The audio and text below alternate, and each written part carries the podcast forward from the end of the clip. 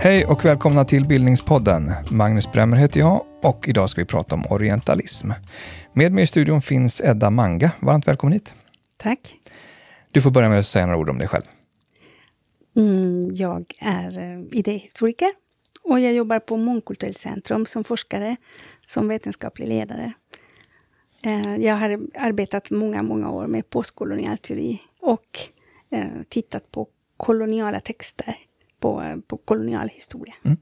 Vi ska återkomma till det. Eh, Edda, vad menas egentligen med begreppet orientalism? Vi kanske ska börja där. Ja, det, och det, och det tror jag är det, det, som är så spännande med det här att orientalism ändrar, ändrar betydelse över tid. Eh, jag tror att idag när man hör ordet orientalism så associerar man eh, till Edward Saids bok Orientalism eh, som var en kritik av någonting som kallades för orientalism eh, förr i tiden och som var ett eh, vetenskapligt fält som studerade vad man då kallade Orienten. Den här boken kom 1978? Den kom 1978. Det var en kritik av orientalismen eh, som eh, associerade det vetenskapliga studiet och, den, och de konstnärliga representationerna av Orienten med eh, kolonialismen och med eh, rasism mot orientaler, mm. kan man säga. Och sedan dess så blev det väldigt svårt att säga orientalism i en positiv betydelse. Eh, det har ju blivit någonting negativt. Som, lite grann som ordet rasism, eller rasist. Um, har inte alltid varit negativt? Nej, i början på 1900-talet så, så kunde vissa forskare kalla sig själva rasister, eller eh, som, som, som politisk position också. Det var ju, eh, alltså den vetenskapliga rasismen hade ju en auktoritativ ställning då. Man pratade med ras, om raser på ett väldigt naturaliserande sätt. Men efter andra världskriget så blev det en omvärdering av rasismen som kunskapsfält. Mm. Och det blev nästan omöjligt, och, eller praktiskt taget omöjligt att, att använda rasism som en beteckning på sig själv, eller som en beteckning på andra på ett eh, positivt sätt. Mm. Och någonting liknande har hänt med orientalism. Om man säger att någon är orientalistisk så är det någonting negativt. Just det, men från början är det ett, ett historiskt fenomen. Ja, och, och, och en av, en av Saids poäng med sin kritik av orientalismen är att det, det objektet som orientalismen försökte studera existerar inte i sig själv. Mm. Utan man konstruerar den här orienten som någonting som man kan sedan dominera. Just det. Om vi säger något kort bara om, om de här två sidorna då. Det här historiska fenomenet, ge bara en kort bild av vad, eh, vad det handlar om oriental, liksom orientalisterna, vilka var de? Ja, det, det, det, är ju en mångfald av olika mm, alltså skönlitterära författare, forskare. Det kunde vara filologer, det kunde vara geografer, det kunde vara arkeologer, alla möjliga. Och vilken eh, historisk tid som, pratar vi om? Som studerade, eh, ja, eh, vad ska jag säga, eftersom, och det, det är ju också någonting som rör sig, för det beror på vad, vad man har för inriktning. Men Said eh, studerade framförallt orientalism i förhållande till den brittiska och den franska kolonialismen. Och då har han sin, eh, sin startpunkt i, i Napoleons expedition i Egypten.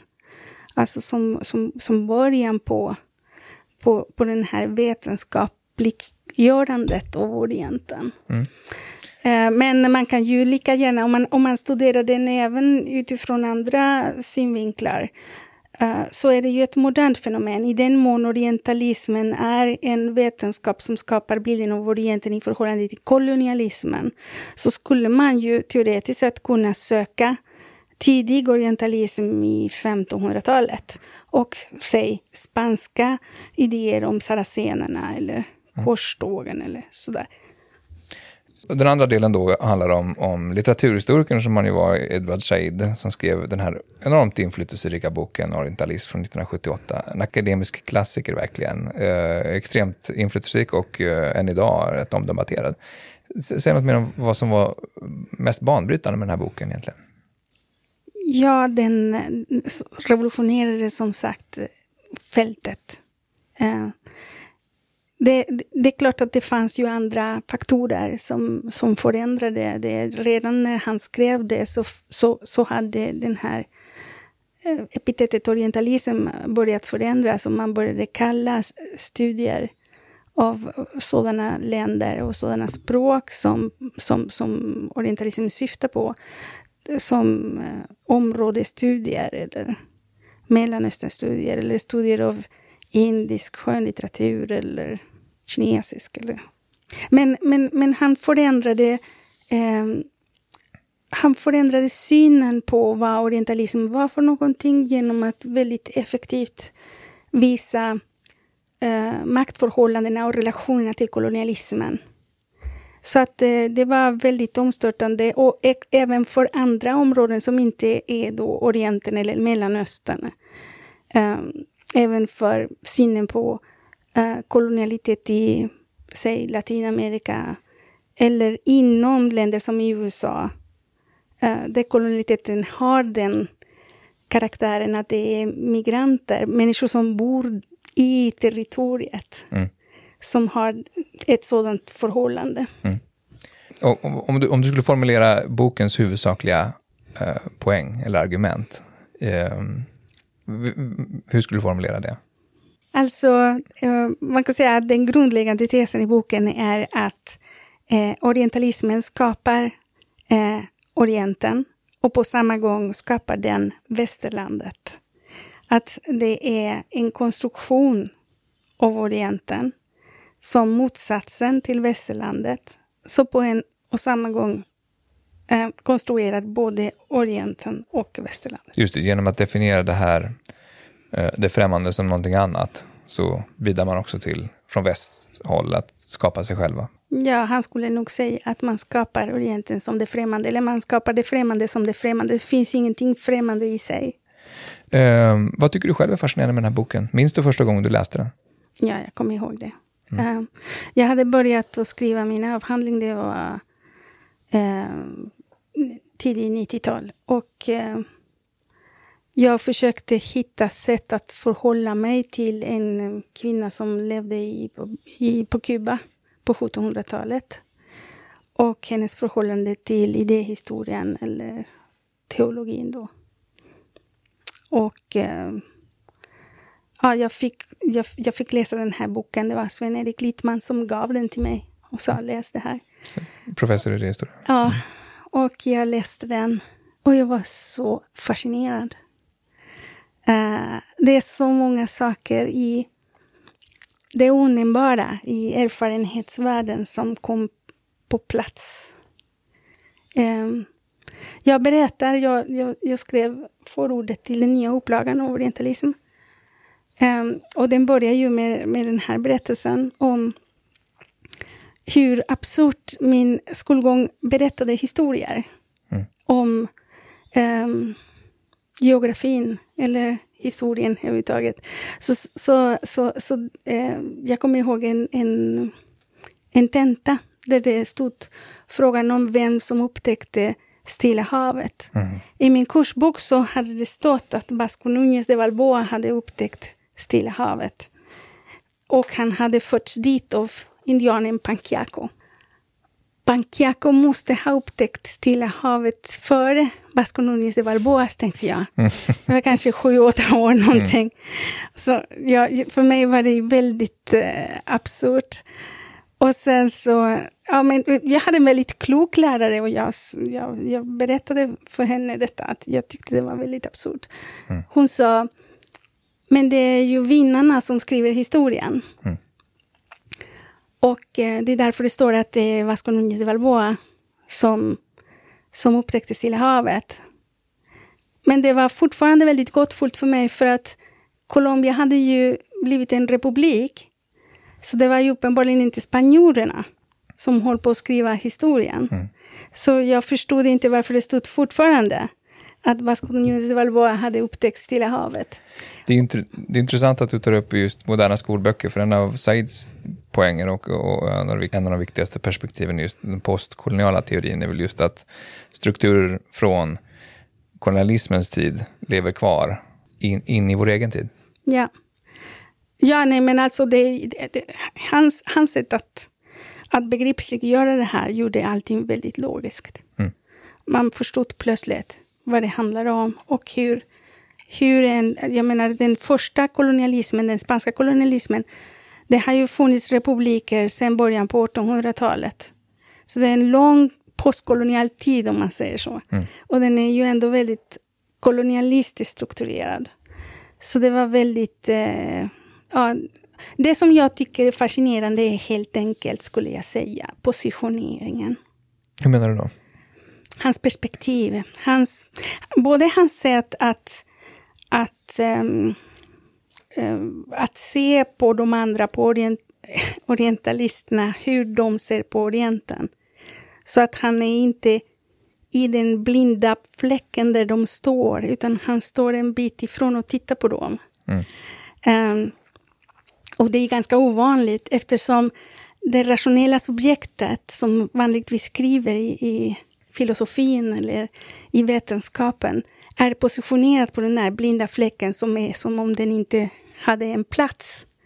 Som om den inte var en del av världen, som om den inte var en del av makten, Mm. utan som om den var neutral och objektiv. Och, Transparent? Alltså. Ja, när han ställer sig vid sidan om och tittar på dem så framstår de i all sin partikularitet. Och det är så himla intressant hur, han, hur jaget i hans bok ställer sig. Ja, innan vi, innan vi eh, pratar mer om den här historiska orientalismen och, och eh, senare då djupdyker i Edward Saids bok, kanske vi skulle säga något om just Edward Said, som är en fascinerande person på många sätt. Eh, kan du inte säga något mer om vem han var? Ja, alltså han föddes 1935 eh, i Jerusalem. Och han var ehm, son till en amerikansk eh, palestinsk far och en palestinsk mor. Eh, de flydde till Egypten eh, 1948 på grund av krigstillståndet som fanns där. Ehm, sen så var han ju uppenbarligen förmögen man. Han studerade på Victoria College i Kairo. Och sen så... Just det, han gick eng engelskspråkiga skolor. Ja, inte bara engelskspråkiga, utan top of the top. Alltså han gick på internatskolan uh, Homot i Massachusetts. Ehm, så att det är verkligen liksom eh, humanistisk, liberal utbildning när den är som bäst. Och just a- eh, amerikanskt medborgarskap via sin pappa redan från, från födseln. Ja, ja. och sen, sen så gick han på elituniversitet. Så först elitutbildning i skol, på skolnivå alltså. Sen på universitetet eh, Princeton och sen Harvard. Ehm, och sen så var han professor. Han blev professor i Columbia University. Eh, han började sin karriär där redan året innan han disputerade. Och sen så stannade han där fram till sin död i 2003. Den har ju en, en, en, en blandad bakgrund där kan man säga, genom att ha, ha rötterna i Palestina och uppvuxen i, i, i Kairo, men också en, en, en, eh, nära kontakter till en västerländsk elitmiljö. Vad tror du att den här eh, liksom, hybrididentiteten betydde för honom och kanske hans blick som forskare? Alltså den, den, den möjliggör ju Said. Det var ju inte så vanligt att det fanns... Alltså det var, den amerikanska akademin, när han gick in i den, var väldigt vit. Så att han gick genom den stora dörren, alltså elitutbildningar. Eh, så som man gör när man är en förmögen amerikan. Eh, och samtidigt så, så var det ju en tid där det fanns väldigt väldigt debatt, eller ja, när anti-arabismen var stark. Um, så att han var ju också arab samtidigt. Så han var insider och outsider. Uh, och samtidigt så hade han en auktoritativ röst som han hade tillskansat sig. Han, han var väldigt intelligent. uh, väldigt beläst. Det var inte lätt att vifta bort honom och ännu mindre i de positioner där han befann sig. Så jag skulle säga intersektionen mellan klass eh, och den dubbla tillhörigheten gjorde hans röst möjlig. Mm. Det, men det sägs att det fanns en punkt där Said ändå eh, som politiserades som forskare väldigt tydligt och började intressera sig för eh, just de här perspektiven. Ibland nämner man sexdagarskriget 1967 som en sån där eh, händelse som blev viktig för honom. Kan du säga något kort om vad det var för någonting och på vilket sätt han, han kan ha påverkats av den konflikten? Alltså, jag, jag menar, jag, jag började ju med att säga att han gick i exil. Mm. Hans familj gick i exil 1948. Uh, så att jag, jag vet att han vid några tillfällen har hävdat så, att han blev politiserad då. Alltså vid 67 som du mm, säger. Mm. Men jag vet inte. Jag, jag, vet inte om det fanns en, en stund i mm. Saids liv där han inte var redan politiserad. Det håller jag för otroligt. Mm. Men 67, eh, som många krigstillstånd, kännetecknas av krigspropaganda. Och krigspropaganda var väldigt anti-arabisk. Jag säger något om konflikten först bara. Konflikt, konflikten var ju en, en, en, en, ett, ett krig som, som handlade om Palestina och Israels position i förhållande till Palestina. Mm. Israel hade grundats eh, och, eh, och hade utrymt en massa palestinier som bodde där. Eh, det hade funnits konflikt från första början, kan man säga. Och vissa arabiska länder krigade mot Israel. Israel vann kriget väldigt fort. Men de bilderna som fanns om vad som hände, producerade bilder av araber som irrationella, som odemokratiska till sitt väsen. Och Israel USA som civilisationens försvarare, civilisationens högborg, um, rationella, humanitära, demokratiska och så vidare. Mm. Det är kanske där också vi ska gå in i, i hela fenomenet orientalism och vad som sen då blir ett, ett, liksom ett kritiskt begrepp hos Said, där han synliggör vad den här historiska orientalismen egentligen gör. Då. Eh, det handlar väldigt mycket om bilden av, eh, att skapa bilder av någonting främmande, både människor och kulturer. Säga först, när, när börjar liksom västerlandets intresse för, för öst, som man säger då, på allvar? Alltså, du vet, begreppet Österland finns ju redan i antiken och det handlar ju om östra medelhavet. Um, det finns olika intressen för öst. Mm. Men om vi, om vi håller oss till Said och hans vad han intresserar sig för? Han, vad han mm. intresserar sig för, vad är det för slags orientalism, som är väldigt speciell orientalism, därför att det är inte tyskarnas orientalism. Han är väldigt intresserad av brittisk eh, kolonialism och han är ja, till viss del då också intresserad av fransk mm. kolonialism. Så för, just det, så för honom handlar fenomenet orientalism, det är väldigt tydligt sammankopplat med den, den västerländska kolonialismen? Ja, det, det, mm. det, och det är det området. Ja. Det, det, det, området han, som han är född. Och det är Egypten, och det är Mellanöstern, och det är muslimer, och det är islam. Det är ju inte orientalismen i Kina, det är inte orientalismen i Indien. Uh, det är massa saker som inte är orienten i hans orientalism, mm. så att säga. Vilka historiska bilder av människor och kulturer är det som Said framförallt är intresserad av i sin bok? Han gör en, gör en beskrivning av någonting som han kallar för eh, latent orientalism. Och den här latenta orientalismen är någonting som är ganska konstant. Eh, och som är nästan... Det går nästan inte att ta på, för det är nästan så naturaliserat att det är omedvetet. Och, och den kan ligga under väldigt positiva bilder av Orienten och kärlek för Orienten och fascination för Orienten. Men den finns ändå där underliggande, den här latenta idén att Orienten är någonting passivt, ett objekt som det är upp till det västerländska subjektet att, att eh, rädda eller att ta vara på eller att känna. Mm. Du nämner en sak som är, är, är väldigt intressant med, med, med, hur Said närmar sig de här historiska fenomenen. Han studerar inte bara liksom nidbilder av Eh, araben. Eh, det är också eh, utopier och, och väldigt eh, fascinerade framställningar av en exotism av, av de här kulturerna. Det är både kärleksförklaringar och, och, eh, och ja, men, förminskande och rasistiska beskrivningar. Eller hur? Ja, det är, och det är den delen som han kan, kallar för manifest. Och som är mycket mer rörlig och som ändrar sig mycket mer. Både när det gäller individer som studerar det eller som beskriver det, men också över tid. Mycket mer föränderligt.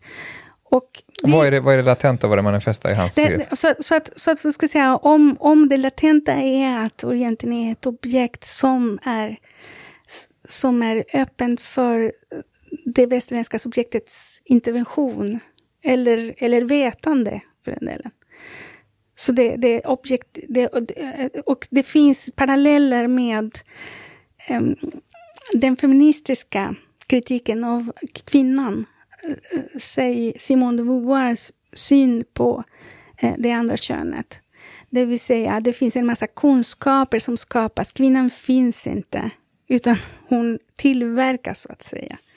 Och, och, eh, och, och, den, den, den tillverkningen har ju också följder för faktisk, faktiska kvinnors upplevelser av sig själva.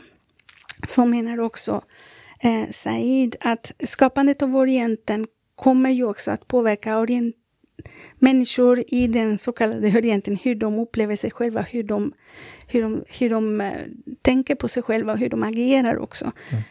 Mm. Um, så, att, så att den manifesta delen är de, de enskilda um, idéerna som kommer och de kan variera. Så eh, om vi fortsätter med den parallellen så kan det finnas skildringar av kvinnan som är misogyna mm. i den västerländska um, idéhistorien. Ja. Mm. Eh, men det kan också finnas eh, romantiska skildringar där kvinnligheten är någonting positivt. Där det intuitiva eller det irrationella är någonting som man längtar efter. Eh, men båda syftar egentligen till att skapa en skillnad mellan man och kvinna? Så. Alla, de bygger på det. Mm. De bygger på en skillnad.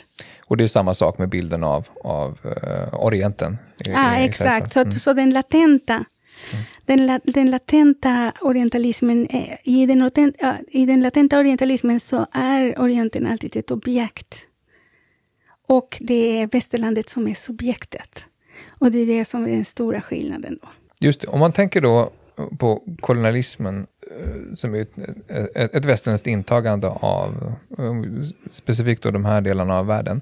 Eh, med det följde också ett, ett intresse för en dokumentation av en kartläggning som du är inne på nu. Kan du säga någonting mer om vad, vilket typ av material som det där har ah, genererat? För det är ju något som Said också är intresserad av. Hans källor, så att säga. Alltså det är många olika slags material. Jag menar, både, eh, expeditionen i Egypten till exempel. Det utmynnar det i olika slags rapporter som publiceras över 20 års tid. Just det, Napoleons expedition i Egypten. Mm. Ja, så det är ju av allt möjligt. Mm. Av seder och bruk, av, av äh, arkeologiska fynd, av allt. Allt alltså. Äh. Så, att, äh, så det var verkligen att mm, att veta för att dominera. Om vi tänker på moderniteten som ett civilisatoriskt löfte om att vetenskapen äh, ska kunna generera kunskap om naturen eller av, om de andra som, som gör det möjligt äh, att dominera dem mm. och att utvinna så mycket som möjligt ur dem. Eh, så är det ju, den, de expeditionerna utgör en sådan försök som är väldigt mångfaldig, att ha all kunskap om allt. Om språket, om människorna, om, om det fysiska, geografiska, av allt. Eh, av den här orienten. Eh, Och Med den- vilka syften vill man egentligen ve- veta så mycket om det? Man kan tänka sig att kolonialismen bygger på att bara fullkomligt civilisera eh, de här andra påstått lägre stående kulturerna. Ja, det kan, det, kan, det kan ha formen om att man vill hjälpa. Det kan ha formen om att eh, man vill exploatera. Det kan ha form, alltså militärt kunskap, eller det kan ju vara civilisatorisk kunskap. Det kan vara på olika sätt. Det kan vara religiöst också. Man, sådär. Eh, så att det, det, det är ju de här manifesta formerna av orientalism som är föränderliga och som kan ha olika former. Och, och det, det, här att man vill veta att det objektet man skapar för att också dominera, man skapar en genomvetande. Eh, och att detta vetande är någonting som enskilda människor eller enskilda fält eh, har sina egna rationalis- rationaliseringar för att göra. Eh, men det finns en struktur eller det finns en orientalistisk logik som kanske är känd för de som utövar det eller kanske inte är det. Utöver de bilder och, och gestaltningar som kommer, kommer tillbaka till, till eh, Europa eh, från Napo- exempelvis Napoleons expeditioner och sådär. Så är det så att det också finns, finns det några orientalistiska klassiker, eller vad man ska kalla dem, verk som varit väldigt inflytelserika för förståelsen av Orienten under 1700 och 1800-talet i Europa? Ehm, ja, det finns ju en, en hel serie uh, reseskildringar av manliga västerländska resenärer. Som, som, och och det, det har ju i och för sig liksom antika förlagor. Men om vi börjar med Comte de Volney, Voyage en Egypte i en Syrie från 1787. Resa i Egypten och Syrien. Ja, och sen, och sen så finns det Chateaubriands itinéraire och Lamartines Voyage en Orient. Flaubert, Salambo. Um, Richard Burtons personal narrative of a pilgrimage to Al-Medina och Mecca. Vad, vad förenar de här verken, skulle du säga? Jag skulle säga just detta, det här manliga subjektet som reser där och som observerar. De kan ju vara, eh, de kan vara ganska exotistiska. Eh, det finns eh, hos Flaubert en väldigt sån här mm, erotiserande bild eh, av, av Orienten. Eh, det kan finnas Alltså det kan finnas skildringar och skildringar som skulle förvåna oss idag över eh, Orienten som en väldigt sexualiserad plats och där kvinnor är väldigt sensuella eller där- där det finns en viss dekadens. Eller det, ja. Ehm, Och det är också något som skiftar, va? eller hur? Så att det blir antingen eh, en kvinnofientlig miljö som är väldigt tuktad och väldigt eh, icke-sexualiserad, kanske i, i, i, jämfört med eh, sexuellt frigjort väst eh, under 1900-talet. Här är det, på 1700-1800-talet är det liksom nästan den motsatta bilden. Det, därför, att, därför, därför att bakgrunden och det som är skillnadsgörandet handlar om viktoriansk feminitet. Mm. Den är väldigt underliggande orientalismen. Orientalen är det som, alltså, det, den, den farliga, otuktade kvinnan som inte, alltså, som, som inte är styrd på, av en man, Mm. helt enkelt. Just det. Så det är skillnaden mellan det viktorianska 1800-talet och det kanske amerikanska 1900-talet, eller man ska säga, då, för att hårdra det lite grann. Ja, det, det, det börjar ju efter den sexuella revolutionen. Och sådär, ja. Hur, eh, just det, och, och, och, och det där blir ett exempel lite grann på hur väst har använt Orienten som en, en motsats för att också definiera sig själv. Ja, exakt. Eh, eh, eh, just när det blir såna där dramatiska vändningar så att den nuvarande bilden av orientalen är nästan eh, 180 grader den som har varit. Eh, så ser man på vilket sätt de är uppbyggda eh, diskursivt. Det vill säga att, att Orienten presenteras som själva motsatsen till västerlandet. Och där får västerlandet också konturer. Västerlandet är det som inte är Orienten, eller den är motsatsen till Orienten. Orienten är så här, så här, så här. Om vi skulle titta ännu lite närmare då på, på Edward Shades bok Orientalist från 1978. Vad, eh, vill du säga någonting mer om vad, vad som är hans absolut, absolut viktigaste argument i den här boken? Det som du började tala om lite grann tidigare. Mm. För det första att eh, västerländska representationer av koloniserade länder och människor är en del av konstruktionen av västerlandets maktposition och självbild. Och där menar du representation både som en, en framställning av, av Orienten men också att, att, att, att, man talar för, eh? Ja, exakt. Och vilken, vilken legitimitet någon har att tala om. För att eftersom orientaler representeras som eh, despotiska, irrationella och så vidare, så har de inte heller mm, legitimitet som representerbara i till exempel demokratisk mm. Uh, att liksom tala för sig själva? Nej. Demokratisk mening, nej. Mm. Um, att för det andra, att dessa uh, representationer fortsätter att operera och reproducera västerländsk dominans även efter avkoloniseringen. För det tredje, att kolonialism består inte bara av formell styrning och militär makt utan också av en världsbild en världsbild som också internaliseras av de koloniserade. Om att västlandet är överlägsen Orienten och västlandet har som uppgift att hjälpa Orienten att utvecklas och moderniseras.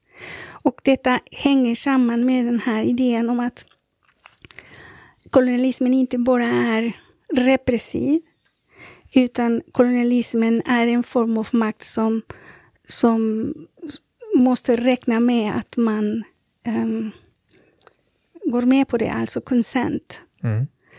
Um, Ett samtycke till, till att man blir eh, dominerad någonstans? Ja, exakt. Mm. Och det, detta kräver en väldigt mäktig världsbild som även de som, är, som hamnar i underordnad ställning på grund av den bilden kan, kan acceptera, känna igen sig i. Vad är det för världsbild? att, I det här fallet? Att, att, att, att västerlandet är överlägsen. En överlägsen civilisation som, som ska hjälpa Orienten att utvecklas eller att moderniseras. Och eh, för det fjärde och slutligen då att för att den sekulära modernitetens löften ska kunna förverkligas så krävs det en genomgående kritik av kolonialismen som diskurs. Hur menar du då? Det, han, han, han är ju humanist, mm. Said. Så han är ju inte bara intresserad av att kritisera kolonialismen. Utan i hans bok så förekommer fragment där han visualiserar en annan värld. En annan värld som är modern och som är sekulär. Eh, och som är humanistisk, men verkligt humanistiskt. Som inkluderar orientalen, så att säga i, i sin humanism. Eh, och detta är det, detta stora företag, att avkolonisera vetandet, att avkolonisera konsten, att dekolonisera representationerna av de andra. Är någonting som blev väldigt produktivt. Han, han startade liksom postkoloniala studier, postkoloniala fältet. Det är många som har fortsatt och arbeta åt det hållet. Han var, den var väldigt inflytelserik för bildandet av hela det här postkolonialfältet. Ja, ja det, om, det, om man inte kan säga det, det man är ju alltid så försiktig. Eh, så skulle jag vara lite mindre försiktig och mer entusiastisk skulle jag säga att han startade postkoloniala studier där och då. Mm. En annan sak som uppmärksammas i den här boken har just med metoden att göra. Här har vi en litteraturhistoriker som inte bara läser litteratur, utan han använder sig av en mängd olika typer av källmaterial. Allt från historiska dokument och källor till just litterära konstnärliga gestaltningar. Eh, vad är värt att säga om den där bredden? Varför den är viktig för hans argument? Han bryter många disciplinära gränser. Eh, och eh, också gifter ihop eh, maktkritik, eller vad ska jag säga, samtidskritik, konst eh, och kulturkritik tillsammans. Så att den, den här liksom eh, gränsöverskridande karaktären i hans verk och där han försöker se eh, underliggande strukturer som är, både, som är gemensamma för um, vetenskaplig, vetenskapliga studier och konstnärliga produkter. Um, det, det, ändrar ju fälten åt båda hållen. Alltså både samhällsvetenskaplig forskning har blivit utvidgad och förändrad av hans sätt att arbeta och också lite eh, litteraturstudier mm. och konstnärliga studier. Så han är, han, han är en eh, väldigt produktiv teoretiker för många olika fält. Mm. Det här var en bok som, som blev omdebatterad nästan omedelbart efter att den gavs ut och har eh, kritiserats i omgångar. Vilken är den vanligaste kritiken som riktas mot Said för hans teori i den här boken? Uh, den första kritiken är naturligtvis, den kom från orientalister. Det alltså det vill säga inte då de här 1700-1800-tals orientalisterna utan den här lite vetenskapliga disciplinen som studerade Orienten ja, ja, i, i, exakt. under 1900-talet. Ja. de, de, de, de, reagerade starkt mm. eftersom han mer eller mindre säger att orientalismen som um, forskningsfält var en hjälpvetenskap. Uh, en hjälpreda till kolonialismen. Så de var ju förtryckare allesammans eh, kände de sig som. Det är inte det han menar, det är för förenklat. Eh, men... Eh, Man bidrog finns, på något sätt till projektet? Ja. Han menade ju inte att intentionaliteten hos enskilda forskare eller, deras, eller att de skulle vara mindre bra forskare, mindre duktiga. Det fanns många uh, rasforskare som var extremt duktiga forskare. De försökte verkligen, eh, antingen genetisk väg eller genom att eh, mäta skallar eller du vet, väldigt noggranna empiriska forskare. Och så finns det ju, det fanns orientalister och det fanns orientalister som kan. Men var det bland, så, var det... bland, bland orientalisterna så fanns det folk som kunde väl, flera orientaliska språk, alltså som kunde vara döda eller levande språk. De kunde litteraturen eh, noggrant. De hade ett allvarligt intresse för sitt ämnesområde. Så de kände sig attackerade av Said, de kände sig missförstådda av honom. Och bland annat så fanns det ju den här Bernard Lewis. Och, Som var en av dem kan man säga. Ja, mm. han var ju orientalist. Och hans syn var... Men han var ju på ett sätt han var ju på ett sätt ett, ett, en politisk motståndare som, eh, som misstyckte över att Said påpekade att det fanns politik i det här. Mm. Han försökte ju positionera sig på den här blinda fläcken där han var objektiv och producerade universell kunskap. Och han tyckte att eh, Said försökte göra hans eh, vetenskap till någonting politiskt mm. eller ideologiskt motiverat. För och Said menar, mot det. Just det, och för Said menar väl att just de här områdena som du pratar om, fältstudier som, eh, eller om Mellanösternstudier eller Asian studies eller så, var lite grann uh, av en rest av den här äldre orientalistiska intresset för uh, det, den äldre orientalismen. Han ser en kontinuitet mellan kolonial dominans och eh, amerikansk imperialism. Eh, och eh, då är kunskapen om Orienten någonting som, som, som har den bakgrunden och den, och den basen. Eh, man behöver kunskap om dessa länder för att dominera dem. Eh, och det produceras antingen det är 1800-talet eller om det är på 1900-talet. Eh, eller på 2000-talet för den delen. Och han, mm. ja, han, han berättar den berättelsen med mycket, mycket empiri. Mm. Eh, vad är du själv? Eh, finns det någonting i Saids analys som du själv har problem med när du läser idag? Ja, alltså han, han är ju humanist. Och han har en liberal eh, bildning. Och det är bra. Det innebär också att han har vissa vissa tendenser. eh, som från mitt utgångspunkt, som jag har kritiserat och som från min utgångspunkt inte är så radikala. Och det är det att han framställer idévärlden som någonting som äger rum hos västerländska män. Och det är, så, det, är det hans empiri bygger på. Ja, det är hans material, han, är, är de här skildringar av Orienten från ja. stora vita västerländska män. Ja. Mm. Så det är, det är intellektuell historia. Och eh, relationen mellan den här intellektuella historien och diskursanalysen är oklar. Han adresserar det ibland så att de är exempel, så att säga, på diskursen. Men samtidigt så ger han dem väldigt mycket agens. Även om han menar ju att objekt och agent är konstruerade eh, enheter i en maktrelation. Men i vilket fall som helst, han, han reproducerar bilden av de här intellektuella som, som agenter, tycker jag. Eh, eftersom han är positionerad som han är positionerad, han, han ser det han ser. Och, och han är blind åt saker som han är blind åt. Han, han, eh, han har ju liksom ingen eh, genuskritik. Han, I mindre grad är han eh, klassmedveten. Han, har, han är väldigt känslig för den där positioneringen mellan västerland och oriental som naturligtvis drabbar honom. Jag vet inte om det är en kritik egentligen. Eh, jag tror att detta är väldigt vanligt och väldigt normalt i människors eh, in, eh, användning av sitt intellekt. Man är ju mm. bekymrad av det som gör ont. Så jag, jag, jag vet inte, men det är klart att du vet, från vår nutidssätt mm. så verkar han daterad i sin mm. maktanalys. Hur, men hur, hur relevant skulle du säga att Saids analys är idag? Väldigt.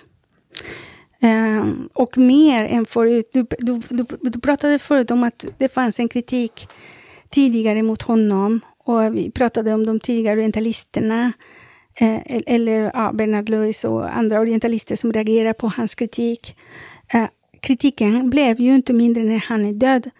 Um, efter att han var död, han, han dog ju 2003 och då var det ju precis början på kriget mot terrorismen och eh, de militära interventionerna i Irak och Afghanistan. Och produktionen av orientalistiska bilder som följde som krigsramar åt de krigen. Eh, och om situationen när boken kom ut, den kom ju 78, var um, ett erkännande av jämlikhetsidealet. Um, en, en, en situation där det fanns krigsmotstånd mot Vietnam och mot andra saker. Alltså, där det fanns kritik mot rasbegreppet. Eh, det fanns medborgarrörelsen, det fanns eh, kvinnorörelsen, det fanns eh, hbtq-rörelsen och så vidare. Det var en, en, en, radikal tid. Ja, så att eh, även om det fanns antiarabiska bilder eh, och i, i det geopolitiska så fanns det oljekris, det fanns krig mellan Israel och Palestina, allt sånt där liksom. Så fanns det ju också andra motrörelser som gjorde hans röst begriplig och viktig och eh, inflytelserik. Men sen när han dog, då kunde han ju inte svara för sig. Han var ju bra på att svara för sig. Mm. Då var det ju fritt fram att attackera honom på de mest besynnerliga vis. Men samtidigt som du är inne på här att egentligen hans analys har blivit än mer relevant ja. i, i, i kriget mot terrorismen. Därför att orientalismen har blivit en viktig del av, eh, av, det, av konstruktionen av den globala ordningen. Eftersom vi har en idé om att, eller vi har haft, nu befinner sig den liberala demokratin dessutom i kris. Mm. Men under en viss tid efter Sovjetunionens fall så fanns det idén att eh, demokrati plus kapitalism hade blivit eh, vinnare i historien. Historien var slut och nu gällde det bara att expandera den här demokratiseringen till de delar av världen som ännu inte hade demokratiserats. Och eh, och, då, då, då, blev ju motsatsen till, till den eh, de som är i sig odemokratiserbara, alltså muslimska länder eller, eller despotier, kan man säga. Så att Orienten som despotisk trädde fram också i konstruktionen av den här goda globala ordningen. Mm. Tror du det var också därför han fick ut, eh, uh, utstå kritik efter sin död? Alltså att det var um, att, att, att, hans teorier var extra provokativa i, i, en, i en tid där den här väst-öst-ordningen var väldigt tydlig. Den var ju mer hegemonisk än den var när boken kom ut, ja. helt enkelt. Mm makt, maktbalanserna hade, hade, hade... Jag menar, vi har en stor Eurabia. Eh, diskurs i Europa till exempel, som inte fanns då på det sättet. Eh, eh, vit radikal nationalism eh, eh, eh, var och är på framfart. Eh, så, så det är klart att då blir ju kritiken och diskussionen kring honom mycket mer aggressiv. Mm. Du är också inne på att liksom, den liberala demokratin är en slags kris. Eh, något som vi pratade om eh, i ett alldeles nyligt avsnitt här också i podden. Vad, eh, har det förändrat någonting i, i, i, det här som Said tittar på? Relationen öst-väst och demokratiska väst och så vidare. Alltså det har ju visat sig att när man pratar om eh, attityder kring demokrati, vilka som stöder demokrati, så är ju civilbefolkningarna i de här muslimska länderna och kanske också eh, i de länderna som inte alls har demokratiskt styre. Eh, tron på demokrati är som starkast där eh, i världen. Och konstigt nog så går tron på demokrati ner i de länder som vi förväntar oss skulle ha det, som till exempel vårt eget land. Eh, där man inte har lika tilltro till demokratin som man tidigare hade haft. Alltså de nya generationerna är skeptiska. Eh, så att eh, det håller på att förändras. Hela, hela, hela idén om eh, vad som är, vilka länder som är demokratiska. Jag tror att Trump-eran var ju en stor ehm, frågetecken kring, eh, kring USA som det stora demokratiska landet. Eh, och vi har ju fall här i Europa också, där det finns illiberala demokratier, som de kallas, eller Sådär, Eh, så att eh, det, det, är inte så lätt att, se, att fortsätta med idén om att det finns vissa länder som redan är demokratiska och resten av länderna bara ska följa i deras spår, utan demokrati har plötsligt blivit någonting som kan gå bakåt, så att säga. Mm. Och, som det kanske, och där det europeiska eller västerländska subjektet inte har en privilegierad ställning. Det får bli dagens sista ord. Jag säger tusen tack till Edda Manga för att du vill vara med i Bildningspodden. Tack. Tack också ni som har lyssnat. Vi är snart tillbaka med ett eh, nytt avsnitt om två veckor, närmare bestämt. Hej så länge.